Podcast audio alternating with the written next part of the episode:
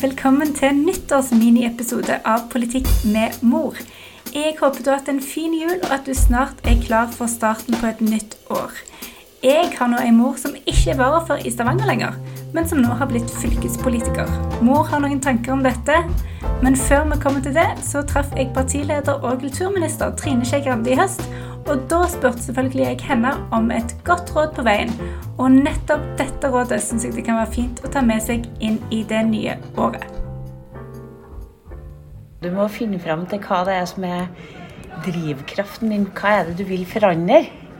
Og så er det veldig viktig at når man melder seg inn i et parti, så er det oftest en grunn til noe som irriterer deg. Skolepolitikken eller miljøpolitikken eller et eller annet. Og så prøv å prøv å holde på den tanken.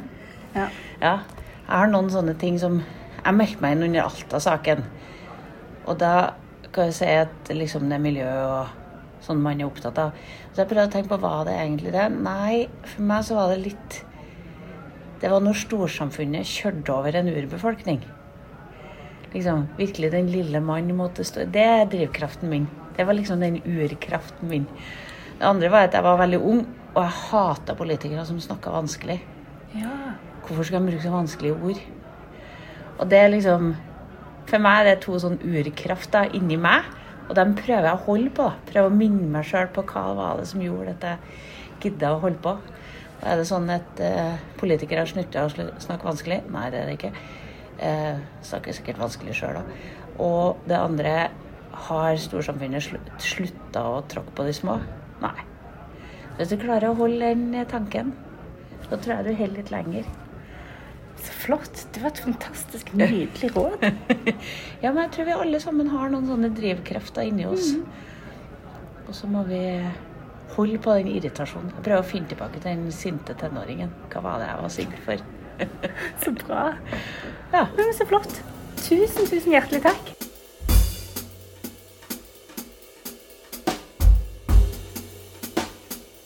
Men må hvordan føles det at det, det nesten er slutt? Jeg syns det er godt å tenke på at eh, nå trenger jeg ikke følge så nøye med på nyhetene hver morgen. Jeg trenger ikke være så klar for å kunne svare på en del spørsmål liksom, her og nå. Jeg føler jeg har mer fritid, og det syns jeg er en veldig god opplevelse. Så fint. Jeg tror vi kommer til å få nyte godt av den fritiden din. Det er veldig fint. Ja, men jeg, jeg har jo slutta i så mange styrer, og slutta i så mange verv eh, i, I disse år, årene. ja. Ja, både i år og tidligere. Jeg er sånn laga at når jeg er ferdig, så er jeg ferdig. Det er så masse nytt som åpner seg, og så da gyver jeg løs på nye oppgaver. Så fint. Ja, så, eh, Og så har jeg fått masse erfaring som jeg har med meg, og de bruker jeg videre. Så bra.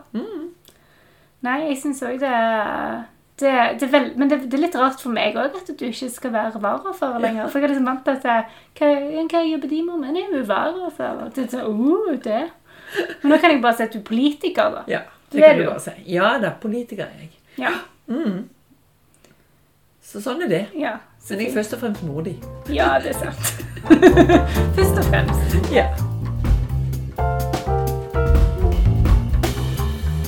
Politikk med mor er produsert av Hileo produksjonsselskap, som er basert i Suldal. For mer informasjon om Hileo og for å høre flere av våre produksjoner, gå til hileo.org. Hileo er støtta av Ryfylkefondet, som gir støtte til utviklingstiltak i Ryfylke. Du finner mer informasjon om fondet på nettsida ryfylke.no. Musikken du hører, er Go Tell It On The Mountain med The Snowy Hill Singers. Takk til familien vår og Siri Bråtveit og Josef Fagan. Jeg håper du får en god start på 2020. Godt nyttår! Godt nyttår. Håper alle får et flott nyttår.